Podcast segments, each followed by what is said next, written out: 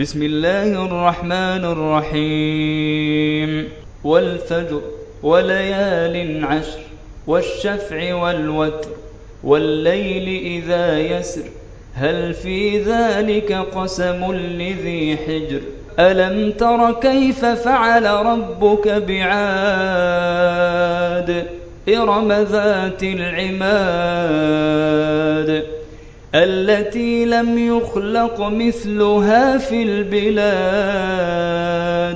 وثمود الذين جابوا الصخر بالواد. وفرعون ذي الأوتاد الذين طغوا في البلاد. فأكثروا فيها الفساد فصب عليهم ربك صوت عذاب إن ربك لبالمرصاد فأما الإنسان إذا ما ابتلاه ربه فأكرمه ونعمه فيقول ربي أكرمن وأما إذا ما ابتلاه فقدر عليه رزقه فيقول ربي أهانا كلا بل لا تكرمون اليتيم ولا تحاضون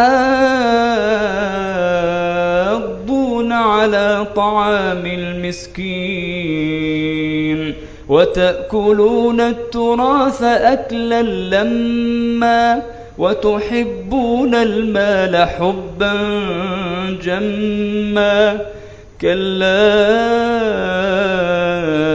إذا دكت الأرض دكا دكا وجاء